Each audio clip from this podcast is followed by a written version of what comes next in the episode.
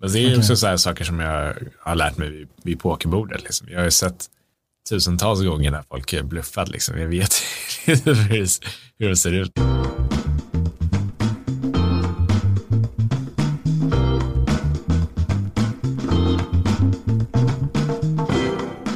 Sin första miljon tjänade han som 21-åring vid ett pokerbord i Budapest. Och 27 år gammal vann han VM i poker och åkte hem med en pott på 80 miljoner kronor. Idag använder Lidingö-sonen Martin Jakobsson erfarenheterna från pokerbordet för att hitta rätt företag att investera i. Jag heter Joel Dahlberg och du lyssnar på podden Min första miljon. Men först några ord från poddens sponsor.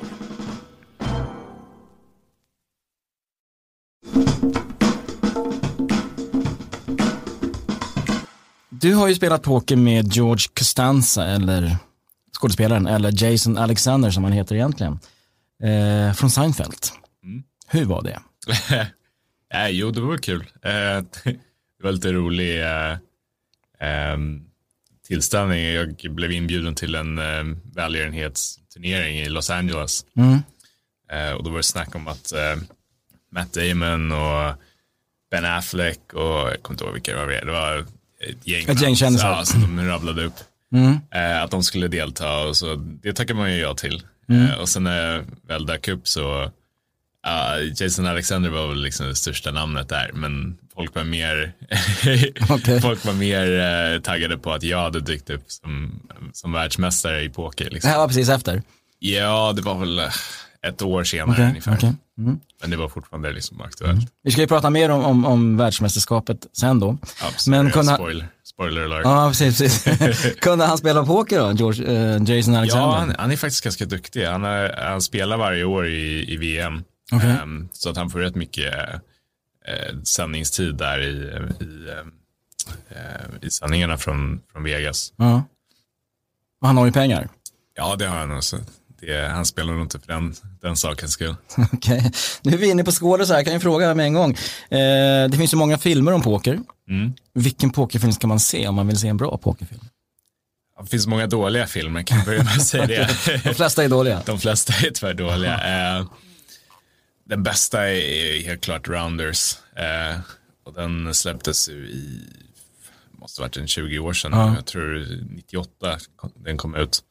Uh, och det är faktiskt orsaken som att så många, det finns så många professionella pokerspelare idag och alla är i princip i min ålder. Uh, så det var liksom den generationen som föddes av just den filmen.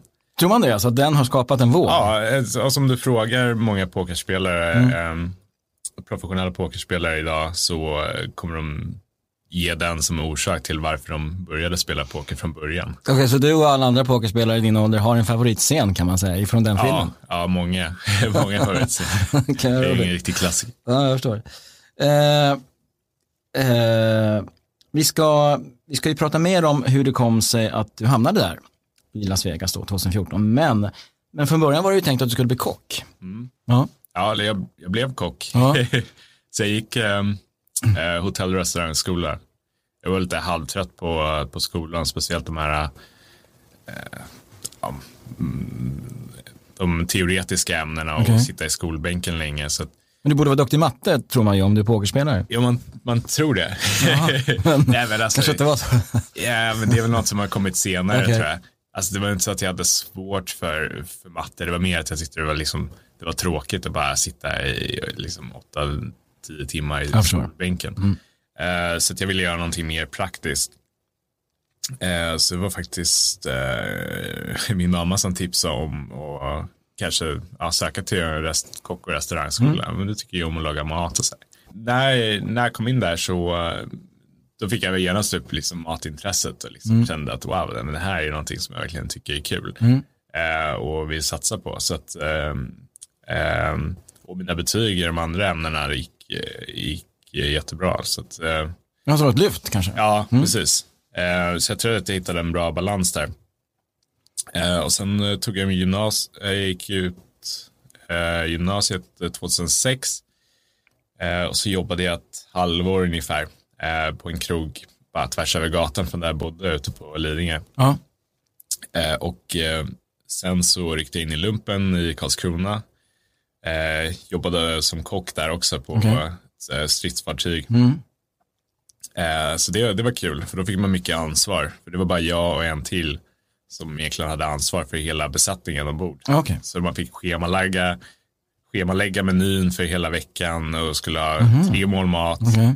minst. Ja. Så fick man stryk om det var äck, Ja, äcklig mat. ungefär. Ja, nej, de är inte, de är kräsna alltså.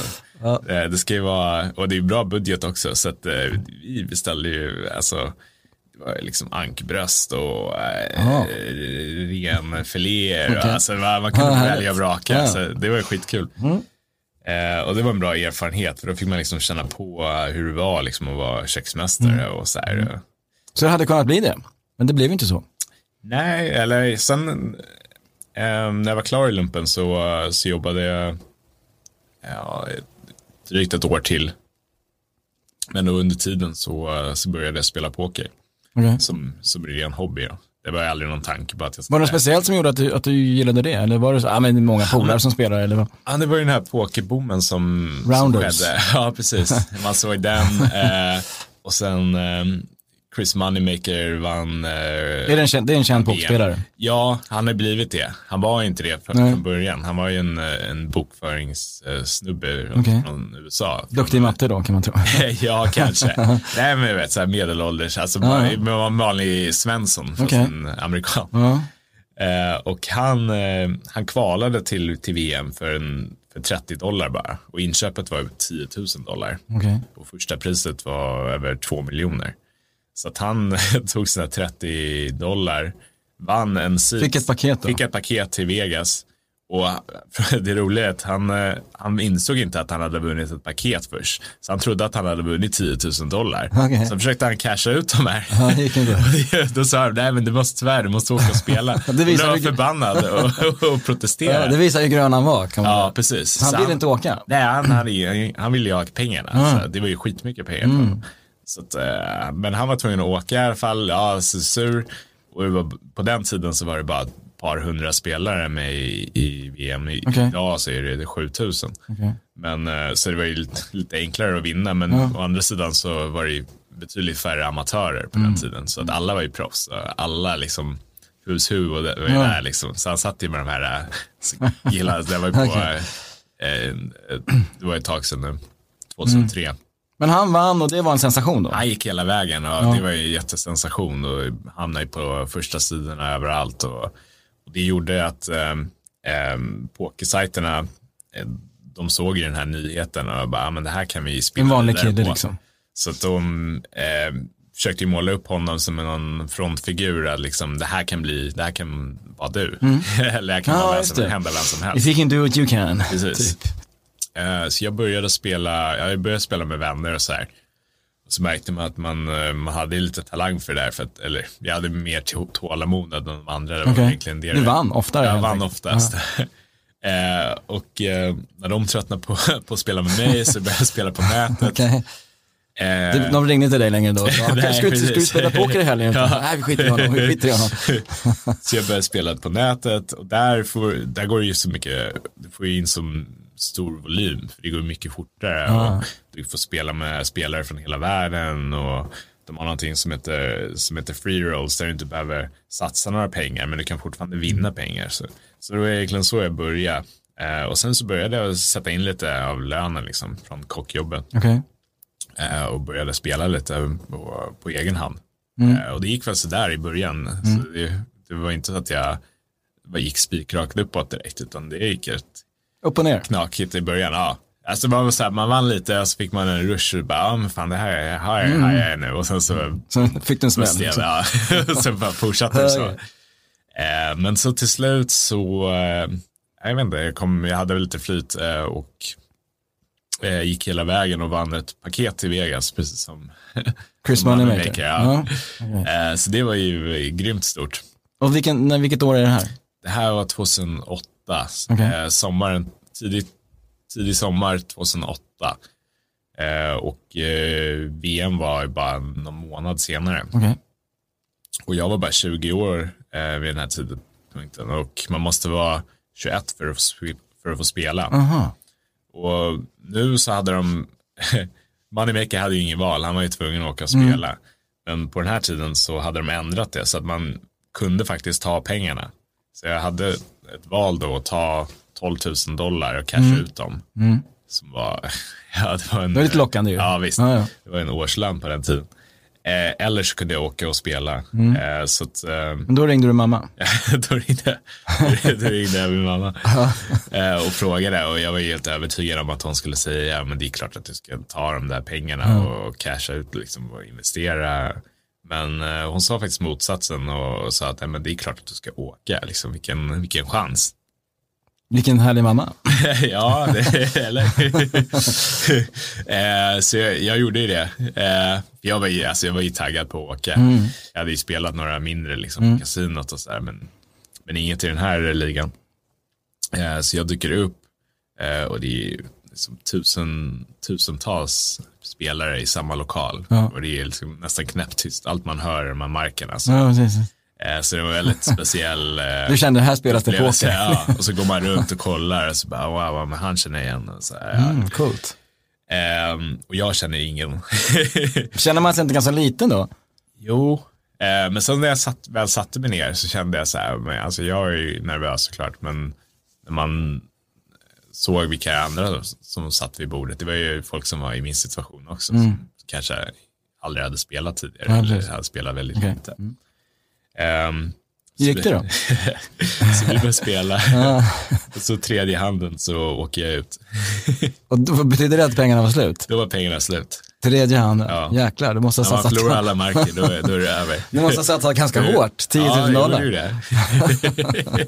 Okej, okay, snopet. Ja, det var lite snupet, Ja. men eh, ja, vad ska man göra? Det var, Vad ska man göra? Det, det är så det går ibland. Okej, men du, blev du kvar eller? Vad? Ja, så jag stannade i veckan ut. Jag hade Okej. ju hotell och sådär i veckan Okej. ut. Sen såg jag till att inte missa hemresan. Men du fick du bara par då, eller under de här tre händerna? Ja, jag, men jag fick, jag fick en ganska bra hand, men i- ja, så, så efterhand så är det klart jag, jag satsade ju all, alldeles, Alldeles för hårt. Ja. Och eh, sen, sen, sen var det några turneringar under ett antal år antar jag, några stora. Ja. Så, att, eh, så det här var då i augusti, så bara eh, drygt en månad efter att jag hade kommit hem från, från Vegas första gången. Ehm, och då hade jag lite framgångar på nätet först. Eh, och eh, jag kvalade till, ja, så min grej var då att fortsätta spela de här eh, satelliterna, de här kvalturneringarna. Till de, för att komma in i de stora turneringarna. Okej. För jag visste ju att det var där, det var där liksom de stora pengarna och, Och det var din chans att komma in, du kunde liksom inte köpa dig in utan var tvungen att kvala dig in. också. Okej. Ja, precis. Det var ju liksom min grej. Jag, ville, Mm. jag hade inte en jättestor ambition och motivation att, att sitta instängd liksom Nej. på rummet och spela online bara. Utan jag ville, jag ville komma in på livescenen på något sätt. Så jag såg det som en möjlighet. Eh, Så jag fortsatte spela de här eh, kvalturneringarna. Och då är det uppbyggt så att du kan liksom börja för en rel- relativt liten summa. Mm. Och sen kan du liksom bygga vidare så du vinner till en annan kvalturnering som leder till en annan kvalturnering Okej, som okej. leder till liksom huvudeventet eller paketet. Det är svårt först- förstår jag att kvala in till de här stora. Ja, det är det. Men jag hade, jag vet jag hade väldigt stor framgång i de där Mm. eh, tidigt. Så att, eh, det var liksom mitt, eh, Det var så du kom vidare kan man säga. ja, Men du måste ha varit duktig helt enkelt. Ja, ja, jag antar det. Det var lite lättare på den tiden. Ah, att folk var betydligt sämre. Så, så det krävdes inte så att Ja. man var så himla bra. Och då fick, du, då fick du chans att spela en ny stor turnering. Ja, så att eh, jag kvalade, min nästa stora live-turnering var faktiskt i London. Så det var på Europatouren. Okej. Så jag åkte dit och då hade jag faktiskt en kompis med mig som jag hade träffat i Vegas, som Okej. var från Kanada. Okej. Så vi delade rum och eh, hängde där lärde känna honom bättre. Eh, och sen eh, under den här resan så fick man en sån här broschyr eh, från, eh, eh, från turneringsarrangören. Och där så stod det liksom att vårt nästa stopp är i Budapest. Mhm. Och han sa någonting, han bara, ah, men du borde försöka kvala till den här eh, turneringen. Jag, jag kan inte åka, men, men, men du borde åka. Jag bara, ah, okej, ja, men det får vi se. eh, så jag tänker inte med på det. Eh, det går lite bättre här, här, i, här i London. Eh, Eh, jag, du åkte inte ut efter tre händer? Jag åkte inte ut efter tre händer. så det kände, jag åkte ut i nästan en av de sista händerna på okay. dag, första okay. dagen. Okay. Det kändes som en stor vinst i sig mm. att liksom ta sig så pass långt och få mer eh, erfarenhet mm. um, av att spela. Så att, um, eh, det kändes som, även fast jag inte hamnade i pengarna, mm. så här, men det kändes ändå som en, en framgång i sig. Och sen tog du dig till Budapest? Sen tog jag mig till Budapest. Så att jag tänkte inte mer på det och sen när jag kom hem eh, så hittade jag en eh, sista chansen eh, turnering, valturnering till Budapest. Mm. Så då först kom jag att tänka på det här, ja, men just det, jag skulle ju försöka ta mig dit. Så jag registrerar den här turneringen och eh, det är bara ett paket på 44 spelare. Så okay. det är väldigt liten chans. Det var svårt. Eh, men jag går faktiskt hela vägen och, eh, och vinner det här sista paketet. Så jag åker till Budapest och eh, där går det bra. Så jag får, jag leder turneringen i, under dag två. Och då är det kanske en 100-200 spelare kvar. Alltså. Okay. Och jag är, det här är min tredje mm. stora turnering jag har ingen aning om hur, hur ska man spela nu. Mm. så jag börjar, jag börjar spela varje hand och tror att liksom, det är så man ska spela. Okay. Men, men så är, så är, så är det inte. Måste, har du lärt dig nu? Så gör man, man inte. Man måste ha is i magen och okay. liksom spela sitt spel. Mm. Och man kan inte eh, forcera någonting liksom, mm. som, eh, som inte ska ske. Um, du var inte tillräckligt cool där? Nej, så jag, mm. så jag förlorar några stora potter och liksom får, får ner fötterna på jorden okay. igen. Men eh, det fortsätter gå vägen och jag tar mig till finalbordet och eh, slutar som på en tredje plats. Okay. Efter att ha gjort en deal med, med de andra två. så vi gjorde en trevägs eh, okay, deal där. Okej, okay. så där, där tjänade du pengar? Ja, ja jag, tror jag, jag, tror jag fick eh, 200 000 euro. Så det var din första miljon? Ja, det måste jag säga. Hur kändes det? Måste jag säga. Hur kändes det? Nej, det, var ju, alltså, det kändes ju som att man hade vunnit. Liksom. -huh. um, kommer man trea idag så är det så här, ja, borde jag ha vunnit. Hur gammal var du då? då? Det här var ju fortfarande 2008, så det var ju, jag var ju 21. Jäklar. Ja, så det här var bara tre månader efter Vegas. Uh. Så från att ha åkt ut tredje handen i, i VM till att komma på tredje plats i Europatouren. Så det är ju väldigt, det var ju väldigt intensiv period. Men vad hände, då, då kom du hem och, och då, med den här segern och de här pengarna? Och ja. vad, vad, vad, liksom, vad tänker du att nu, nu? Uh, ja, men då började man inse lite att uh, men det här kanske är någonting som jag ska ge en ordentlig chans. Ja. Alltså jag tog aldrig beslutet liksom att uh, men nu ska jag bli pokerproffs.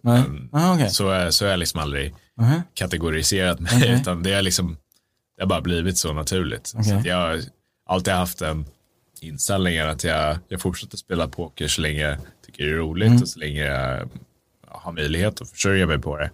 Men sen om det skulle, om det skulle krisa, om det skulle gå eller om min motivation skulle svikta mm. så, så är jag öppen för att, för att byta karriär. Okej. Okay. Till något annat? Ja, något helt annat. Ja, Men eh, så var det inte läget här. Det var ju mycket kvar. Mm. Eh, du, du hamnade så småningom då i, i november 2014 i Las Vegas. Då hade du spelat kontinuerligt antar jag, ja. i många år? Ja, nu är vi några år framme. så ja, ja, fem år senare. Ja. Eh, Men då, då, då, spelade du heltid under hela ja, perioden? Ja, precis. Så att efter, om vi blickar tillbaka lite, så efter vinsten i Budapest så då fortsatte jag liksom att eh, spela på mm. liksom på fulltid, även fast jag aldrig tog det beslutet. Så jag blev ju liksom en stammis på, på Europatouren och reste runt i, eh, i i eh, Sanremo Italien, i Monaco, i Barcelona och London. Liksom bara stopp efter stopp. Okay. Eh, så det var jäkligt kul. Så, så under den här perioden då, som man reser runt så känns som att för varje stopp så lär man känna någon, någon ny. Så att min uh, umgängeskrets inom pokern ökar för varje, mm. för varje stopp. Uh, och, Gör det att det blir roligare också? Att man, ja, man känner folk? Ja, betydligt roligare. Jag ska säga att det skulle, det skulle inte gå att vara professionell pokerspelare och, och vara helt eh, ensam utan den här umgängeskretsen. Den är så pass viktig. Och få dela framgångar och motgångar. Och, eh, men också diskutera spelet och, och situationer och, och, förbättra sig på så mm. sätt. det är mest killar? Ja, mest killar. är det någon tjej? jo, det är, det är, jag ska väl säga att det är 5 procent kanske. Okay. Kvinnor. Men det kommer mer och det kommer mer. mer. Okay. Ja. Kan du berätta då, liksom, vägen fram till, till november 2014 i Las Vegas, hur, hur, hur hamnade du där? Eh, nej, men så jag fortsätter spela på, på Europatouren och, och har ganska bra framgång där. Jag kommer eh, på andra plats tre, eller, tre eller fyra gånger, tre eller fyra tillfällen. Eh, men jag kan fortfarande inte komma över den här eh, tröskeln och, och, gå hela vägen och vinna. vinna. Mm. Så jag blir liksom känd, jag får stämpeln, media stämplar mig som eh, den eviga tvåan. Mm, liksom. runner up. Ja. Ehm, så att är det frustrerande då? då? Ja, det är det. Alltså det, det är så här första, som när jag kom trea i Budapest, då var, det kändes det som att man hade vunnit. Mm. Och sen när jag kom tvåa första gången, då var det också så här, ja men det är bättre än trea. Mm. Men sen när man kom tvåa igen mm. och igen, mm. till slut så är det liksom, man uppskattar inte eh, framgången i att komma tvåa överhuvudtaget, så man vill bara vinna vid det tillfället. För då är det ju bara du och en till. Mm. Så det blir väldigt det blir som en personlig uppgörelse om vem som ska ta titeln. Okay. Jäklar. Mm. Så att du, du kände, fan jag ska inte vinna någon gång? Ja, precis. Eh, så det var lite ironiskt att man, man sen går och, och vinner liksom den största turneringen som, som går att vinna. Eh, så det var 2014, eh, så jag, vid den här tidpunkten så har jag spenderat varje sommar i Vegas sen första gången jag var där. Så det har blivit längre och längre. Okay. Så Eh, året därpå så var jag där i två eller tre veckor och sen 2009 då var det? 2009 ja. exakt och sen 2010 framåt så har jag spenderat minst fem veckor. Eh, för det är så pass länge ja. som, inte, inte just huvud, inte just main event men uh, som hela turneringsserie mm. så det består av ungefär 60 turneringar som man kan delta i. Jäklar. Så jag kanske spelar en uh, mellan en 15-20 mm. turneringar mm. på en sommar. Hur förbereder du då inför? Gör man något speciellt då? Um, ja, uh, jag har en liten, lite rutin. Okay. Uh, men jag försöker alltid hålla mig i, bra fysisk form. Okay. Man, inte, dricka, ja. inte dricka för mycket alkohol kanske? Nej, nej, nej inte, inte, under, inte, under, tiden och inte kvällen, där, kvällen innan heller. Uh, sig själv. Man ska vara skärpt? Ja, precis. Mm. Så jag försöker göra motsatsen och, och träna mycket, äta hälsosamt och, och regelbundet. Och sova ordentligt. Sova ordentligt, mycket viktigt. Eh, och meditera också. Mm. För att eh, stilla nerverna och eh, ge mer en mm. mental klarhet. För att kunna fatta de bästa mm. besluten mm. vid bordet. För det är, det är total fokus. Ja, under så pass lång tid också. Så det är, det är inte liksom det är en ganska speciell eh, eh, speciell egenskap som krävs. Man måste, sitta, man måste fokusera men under 12 timmar i sträck. Mm. Ja, det är påfrestande. Ja. För de flesta kan ju liksom koncentrera sig på någonting under en kort period. Ja. Kanske 15 minuter, kanske en mm. timme. Men att sitta och koncentrera sig i 12 timmar. Eh, så man är ju ganska bränd alltså, i, skallen efter en, sån dag. Och då gäller det ju att återhämta sig för sen dagen därpå så är det en till 12 timmars dag och sen dagen därpå. Mm. Och sen ju djupare i turneringen det kommer eh, desto mer eh, press blir det ju på en liksom. För du, du, du spelar ju om mer, mer pengar mm. och, och, du blir närm du är närmare på att gå hela vägen för varje dag som går. Men samtidigt så får man en adrenalinrush också. Eh, så att eh, den håller sig, den håller en sig vid liv eh, och hjälper ju till att liksom skärpa psyket mm. och mentala biten. Mm. Men sen när väl turneringen är över, då blir det en total adrenalin. Då kommer man i det. Kollaps, ja, så då orkar man ingenting. Alltså. Hur länge är man borta då? Alltså det beror på hur intensiv turneringen har varit, mm. liksom hur djupt man har gått. Eh, och det kan vara skilja sig också från turnering till turnering. Eh, det kan bero på massa olika faktorer som liksom hur du har sovit, hur du har ätit och, och, och så. Um, Vad var det avgörande ögonblicket då tror du, så här i efterhand? Just 2014, VM? Jag vet inte, jag, så att, eh, eh, sättet som turneringen är strukturerad på är att den börjar, så du har de här, så World Series of Poker börjar i slutet på maj varje år. Mm. Och det håller på i fyra, fem veckor. Och då är det massa så här förturneringar eh, som leder upp till main event. Eh, så spelar de där eh, som vanligt och sen börjar huvudturneringen då. Eh, som får 7-8 tusen spelare varje år och alla lägger upp 10 000 dollar. Så det blir en skaplig prispott. och det här året, det här 2014, då har de garanterat 10 miljoner. Eh, är det första gången de gör det? Vinnaren. Ja. Okay. Så de har testat lite olika strategier för att locka fler deltagare mm. varje år. Eh, men det här året så hade de gjort det. Eh, och sen fick de inte tillräckligt eh, många spelare så det blev väldigt stort hopp från andra platsen Aha, till första okay. platsen. Ah, ja, så, så tvåan ville man inte komma? Två, tvåan fick eh, ungefär hälften. okay. Det ville man inte komma då? Nej, i vanliga fall är det inte riktigt mm. så skarpt hopp, men eh, eh, det här året så var det det. Eh, men var det någon speciell, någon speciell hand som du kände, nu händer det kanske? Nej, det var mer liksom en, eh, en kontinuerlig eh, liksom kontinuerligt flyt. Inte bara liksom i kortsnitten jag fick utan också liksom sättet jag spelade och liksom jag hade ett väldigt och i form? Väldigt lugn okay. liksom, genom hela turneringen. Att det bara liksom gick vägen allting.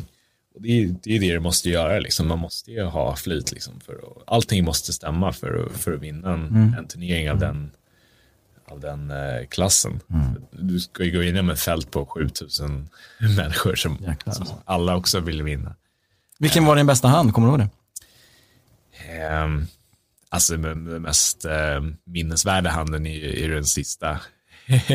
där, där jag vinner. Och också på sättet eh, den utspelade sig. Eh, så då är det bara jag och en spelare till. Eh, såklart. Och jag, det är, då är det mycket uppmärksamhet förstås. Då är det bara uppmärksamhet på oss två. Ja. Och det är mycket folk då runt? Ja, visst. Så jag, eh, jag höjer med eh, par i tior. Eh, min eh, motspelare eh, slår om, så han höjer mig. Mm. Eh, jag går all in och ansynar. Och han har S9. Så att jag har 70% chans att, att vinna VM. Okay. Men om han vinner så, så dubblar jag han. Och då är vi på lika nivå markermässigt. Okay, okay. Jag hade ganska bra markerövertag vid den här tidpunkten. Eh, och han är norrman. Också i min ålder. Scandinavian battle. Så han har hela ja. sin familj och hans vänner liksom på mm. läktaren. Eh, och de ser vad han har för hand, så de börjar skrika liksom S, S, S. Eh, och det hör min, eh, mina polare. Så de kommer upp, på, upp med en ramsa också. Så, eh, så de börjar sjunga 10 for 10. 10 for 10. Så tio, en tia, för jag har par tio och sen för 10 miljoner. just det. Eh, så de eh, båda jäklackarna, vad man ska kalla det, börjar, börjar sjunga. Så det är ett jäkla liv i lokalen. Det är som tusentals människor där. Det gäller att hålla sig lugn då för dig? Ja, eller vid den här tidpunkten så är det inte så mycket jag kan göra. Det är liksom det är mer, ja, jag måste hålla mig liksom. lugn i och med att jag, om jag förlorar handen så måste vi fortsätta mm, spela. Mm, det. Uh, så det är det jag fokuserar, jag ser ja. till så att jag håller mig fokuserad. Och vad hände då? Fick du en tia? Så dealen drar ut floppen uh, och då visar de första, första kortet innan man liksom visar de andra mm. tre. Så det är tre kort som de visar först. Och då är det en tia där. så i hålkortet. Jäklar. Och då är det alltså, då är 90 procents chans ja. att, att vinna. Ja. Uh, och det, den, det stod. 10 miljoner ja. dollar. Ja. Hur kändes det? Uh, det kändes ganska overkligt tror jag och det gör det än idag. Um, jag, eh, så, det, som sagt, så sättet som turneringen är strukturerad på är att man, man spelar, den håller på i nio dagar. Eh, så det tar nio dagar att, vinna mm. turneringen. Mm. du spelar, eh, så du spelar en startdag och sen så kombineras fältet dag två. Du har två separ separerade dag två också.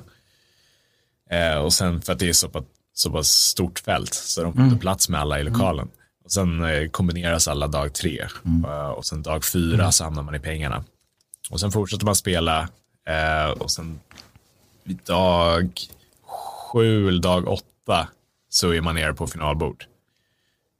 Och då är det liksom tio gubbar vid ett bord och nio som kommer ta sig till finalbordet. Mm. Och sen när den tionde spelaren är utslagen, då formas vad som kallades då för November 9. Och det okay. var lite prestigefullt bara att, att ta sig dit för att mm. då var man liksom en finalist på, på liksom det största finalbordet. Finalbordet skulle utspelas i november, så då var det tre månaders ah, okay. eh, avbrott okay. innan eh, turneringen skulle återupptas. Så bataljen med norrmannen, det var i november?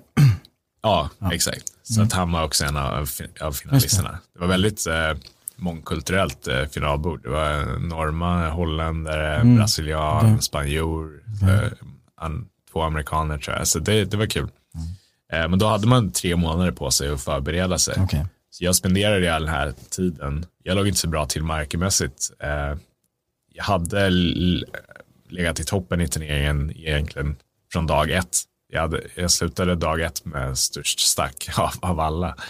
Eh, men, och, och sen höll, i, höll det i sig eh, fram till dag fyra eller fem. Men sen så gick det lite knackigt på slutet. Okay. Så jag låg på åttonde plats av, av nio. Så oddsen var ganska... Oddsen var ju inte, inte på inte min bra. sida. Ja. Jag, tror, man, jag tror man kunde betta på mig. ja, det kanske borde ha typ, gjort. Ja, typ 17 gånger pengar eller något ja, sånt där. Så. Ja. Um, men det, det tar inte så mycket, det tog inte beräkningen um, liksom min uh, erfarenhets, mm. uh, erfarenhet och edgen som jag kunde få på den biten. Men det blir, du, du tog hem det här. Mm. Det blir väl ett, ett jäkla hallå helt enkelt.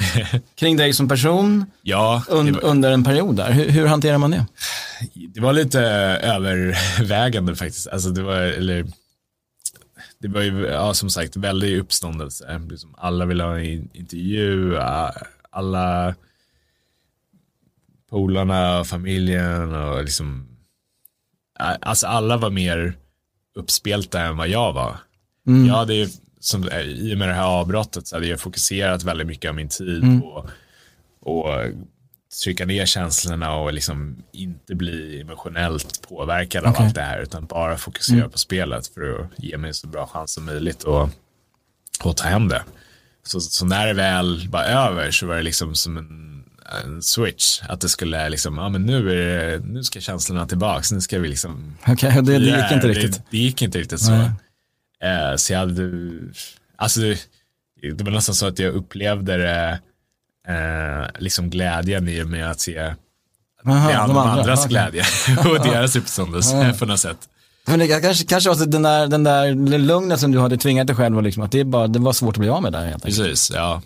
Ja, det var, var det faktiskt. Men det är klart att det, det var en, en rolig kväll, att det, liksom, det är ett minne för livet. Liksom. Ja, och vad händer sen? Sen är det, sen är, sen är det mycket spel förstås. Du, du intervjuer och du, du blir inbjuden till massa ställen och sådär. Ja. ja då var så du hamnade med, med Jason Alexander. Ja, precis. Så ja. Det, det har kommit lite sådana här roliga um, förfrågningar och mm. möjligheter. Ja, du har träffat några sportstjärnor jag har förstått som gillar att spela poker. Ja. Efter det här då. ja, precis. Mm, de gillar att slå en världsmästare förstås. ja, det, det var alltid kul. precis. Är det något speciellt du kommer ihåg? Um, Någon som är lite hetlevrad vid spelbordet? ja, jag har spelat, jag spelar med så många, man, man glömmer liksom bort eh, men eh, en del som, som man kommer ihåg, eh, Pique till exempel. Fotbollsspelaren? Barcelona, ja. ja. han, eh, han brukar alltid dyka upp. okay. Det har varit några gånger som han, eh, han har registrerat sig till turneringen så suttit ner. Sen har han vänt sig om och frågat hur länge håller den här turneringen på egentligen? Ja, så säger jag bara, tre dagar. Ja, tre dagar? Men det har jag inte tid med liksom. Vi har ju fan träning ikväll. All in. okay. Han kör hårt då. Ja. ja. Uh, är han en bra förlorare då? Nej, Nej. det var, det var verkligen inte. Så när han väl försökte och, och inte, gick, uh, inte gick vägen, bara svor han rakt ut. Nej. På spanska då förstås. Men det, ja, men det, eller man förstod vad han menade.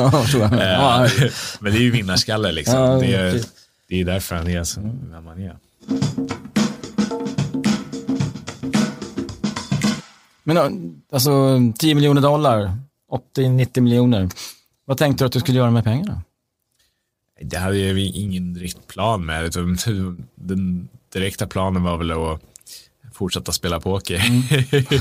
Okay. det, det ändrats. Jag hade lite, haft lite framgång liksom innan det. Så att mitt liv, jag får den frågan rätt ofta, liksom, hur, hur ändrades ditt liv efter, efter segern? Men det ändrades faktiskt nästan ingenting, mer än de här äh, mediaintervjuerna. Mm. Mm. Jag spelade de sam, liksom, samma turneringar som tidigare, mm. reste på samma resor och samma mm. vänner. Men inte samma gnista då, kanske? Nej, det var lite konstigt. Alltså, jag, jag var, hade fortfarande liksom intresse för poker och så, men det kändes som att man, man stod och, och trava. Um, I och med att man har vunnit den största turneringen som kommer mm. att vinna. Mm. Det, det näst största man kan göra är att vinna den igen. Ja, ja och du visste ju hur svårt det var också. Ja, precis. Och jag kände liksom att det var lite, lite, lite tradigt att det var liksom samma samma sak om och om igen. Att ja. det liksom upprepa sig. Mm. Eh, för många tror jag man har en strävan eh, som, som pokerspelare. Liksom, som, om man blickar tillbaka till början av min karriär. Liksom, man har liksom milstolpar som man eh, kanske inte direkt har mål men liksom som ändå finns mm. där i bakhuvudet. Att man, ja, min, min första milstolpe var att spela en live-turnering och så här, när jag gjort det, det varit i Vegas. Mm. Eh, och sen nästa var att ta sig till dag två. Ja, och sen eh, ta sig till i pengarna, ta sig ja. till finalbord mm. och sen och, och vinna. Mm. Och så, så, när man liksom har nått allt det där så är det liksom, ja, det, jag vet inte, motivationen blir, mm. blir nog ganska mm. låg. Mm. Eh, men kan man säga, hade du verksamheten då, pokerverksamheten i ett företag? Eller är det så? Man har det i företag? Nej, Nej utan det har alltid varit privat. Okay. Men sen, du blev ju sen intresserad av att just företagande och liksom ja. investera i företag. Ja, absolut. Hur, hur dök det upp? Det dök väl lite upp under den här tiden då, efter, efter att jag hade vunnit. Eh, jag fick ju såklart massa förfrågningar om att investera, mm. liksom folk ser att man har mm. vunnit pengar. Och, eh, så, det gjorde man ju liksom, man har ju liksom det är svårt att, om man inte har en finansiell bakgrund som jag har, det är svårt att veta vad, vad man ska göra. Liksom, mm.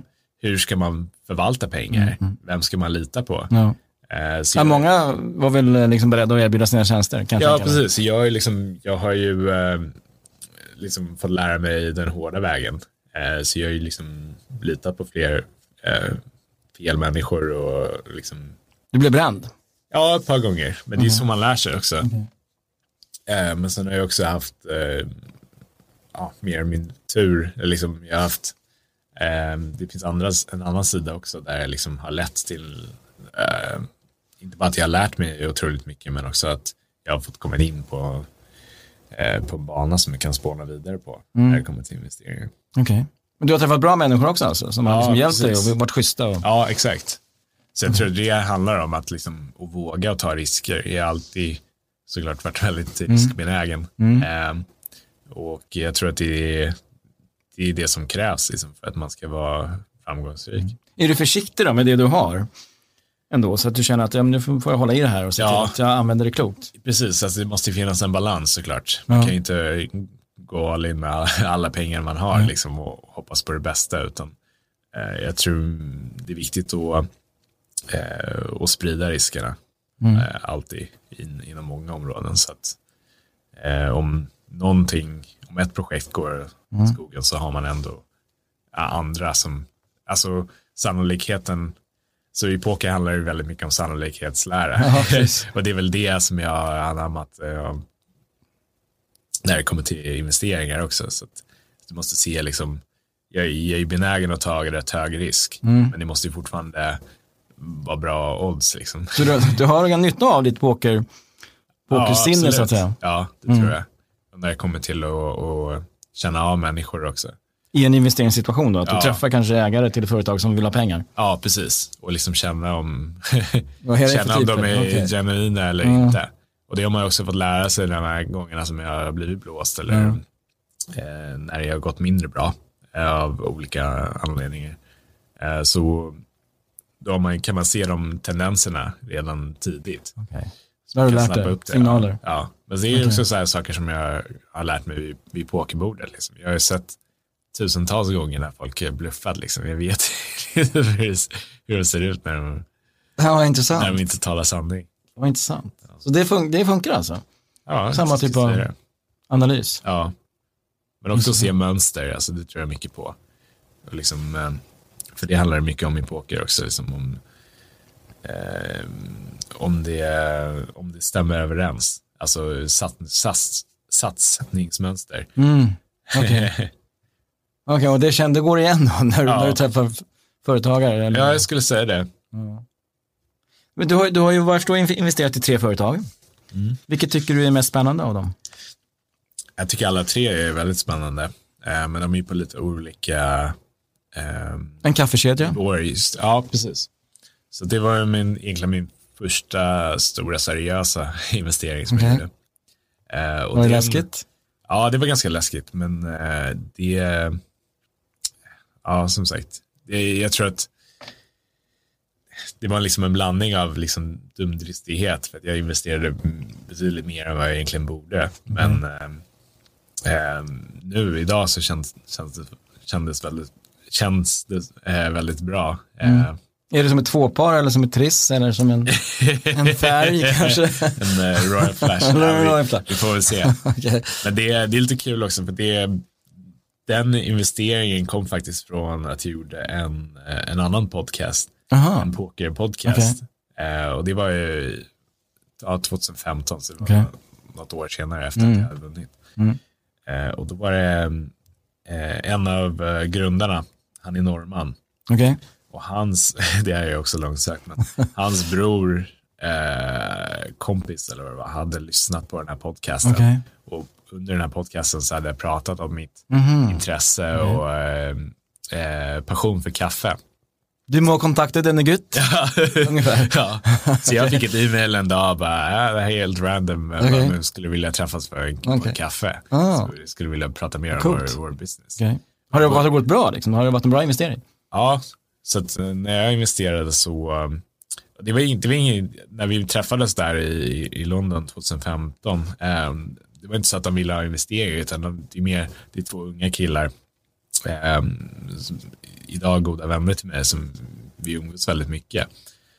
Um, men de, uh, deras motto är leave the herd behind. Så de är liksom okay. Black Sheep Coffee eh, okay. kallas, uh, heter det. Okay. De kör sitt race? De kör sitt, sitt, eget race. Så de tyckte det var skitkul att jag var liksom professionell pokerspelare. Okay. Du passar de, liksom in. De tyckte att det passade in i brandingen. ja, så här. Coolt. Så Hur mycket äger du av det? Eh, ja, väldigt liten del okay. eh, idag. Men när jag investerade så eh, hade de eh, fem stycken eh, kaféer i London. Okay. Eh, och idag så har de 25 eh, i London, Jäklar, Manchester, tre i Manchester mm. och en i Manila där de har börjat med franchising. Okej, okay. coolt. Så att, nej, men det varit otroligt kul och lärorikt att följa deras utveckling. Mm. Och också chans att, att, att lära känna Ehm, ägarna som, och liksom, mm. de har liksom helt transparenta och öppna med, med alla deras beslut. Och liksom, mm. Så jag kan ju fråga dem vad som helst när det gäller business. Och, mm. Så det är, det är en otrolig lärdom och erfarenhet som, som jag kan ta, ta med mig av uh, i fortsatta investeringsbeslut eller om jag mm. någon gång startar eget. Startar eget ja. Mm. Hur, uh, hur ser du framåt då? Du, du är ju fortfarande professionell pokerspelare, men ser du att liksom, ska du bli affärsängel nu och liksom investera i företag? Är det, är det så du ser det? Nej, men just nu så, så trivs jag bra med pokern, men eh, om man ska ge en spekulation i framtiden så tror jag nog att jag kommer syssla mer med, med investeringar, framförallt i eh, tidigt i företag, typ när det bara är en affärsidé. Mm. Det är lite det som jag tycker är kul och liksom se från att från att vara en idé på ett papper bara till att bli ett eh, liksom, fungerande mm. bolag. Och, men är du mer styr, vill du vara med och styra eller vill du bara äga? Eh, nej, men om jag, om jag lägger av med pokern så, så får jag ju mer tid och, och då vill mm. jag ju såklart sysselsätta mig med någonting annat. Så att, eh, det vore ju eh, ehm, definitivt eh, någonting att mm. som jag skulle kunna tänka mig. Och, mm. Men också då krävs det att jag får mer erfarenhet och, och faktiskt kan bidra med någonting. Mm. Mm. Du, har ju, du har ju lyckats bli världsbäst i, i poker, någonting som du brinner för. Du har investerat i ett antal företag och, och det har gått bra. Mm. Eh, vi ber ju alla våra gäster att ge några tips till en ung person som inte riktigt vet vad man vill göra och mm. kanske har en idé men inte vet hur man ska förverkliga den. Vad, är, vad är ditt, ditt råd? Um, mitt råd är att våga ta risk. För mm. gör man inte det så då är det svårt att lyckas. Ja. Men, och risk, ja. det, kan vara, det kan vara finansiellt men kan det också vara tid då antar jag? Man satsar ja, precis. tid. Var beredd att satsa tid. Exakt. Um, det, det, det tror jag. Inte gå och tänka på saken bara, Exakt, utan göra ja, något. inte Nej, precis. Mm. ringa, ringa morsan och fråga. ja, ska jag åka? Ja, men åk, åk, åk. Ja. Och så har man mamma tror, som säger ja då. Ja, nej, men jag tror att de flesta, jag också, att man eh, är offer för att liksom övertänka saker. Mm. Istället för att bara göra. Mm. Och sen se vad som händer. Och sen, även om det inte även om man inte lyckas eller om, om det inte går vägen så har man ändå lärt sig någonting av mm. det. Och då kan man ta det vidare och då har man lärt sig, har man eh, fått den erfarenheten och, och, kan fatta bättre beslut nästa gång. Inte vara så rädd att försöka. Nej, precis. Mm. Vad, när är nästa pokerturnering? Nästa pokerturnering, eh, det är ju Vegas som kommer upp. Det är Vegas som kommer upp nu. Ja. Maja, ja. ska du vara där? Ja, absolut. Vad är målet då? Ja, vi vinna VM igen. ja, jag önskar dig lycka till. Ja, tack så mycket. Martin Jakobsson, ja. stort tack att du kom hit. Tack så mycket. Här. Ja, det var kul. Mm. Det var veckans avsnitt av Svenska Dagbladets podd Min första miljon. Missa inte förra veckans intervju med Daniel Ros som berättar om hur han blev Sveriges dessertkung och hur han för sin första miljon köpte in sig i krogsuccén K-märkt.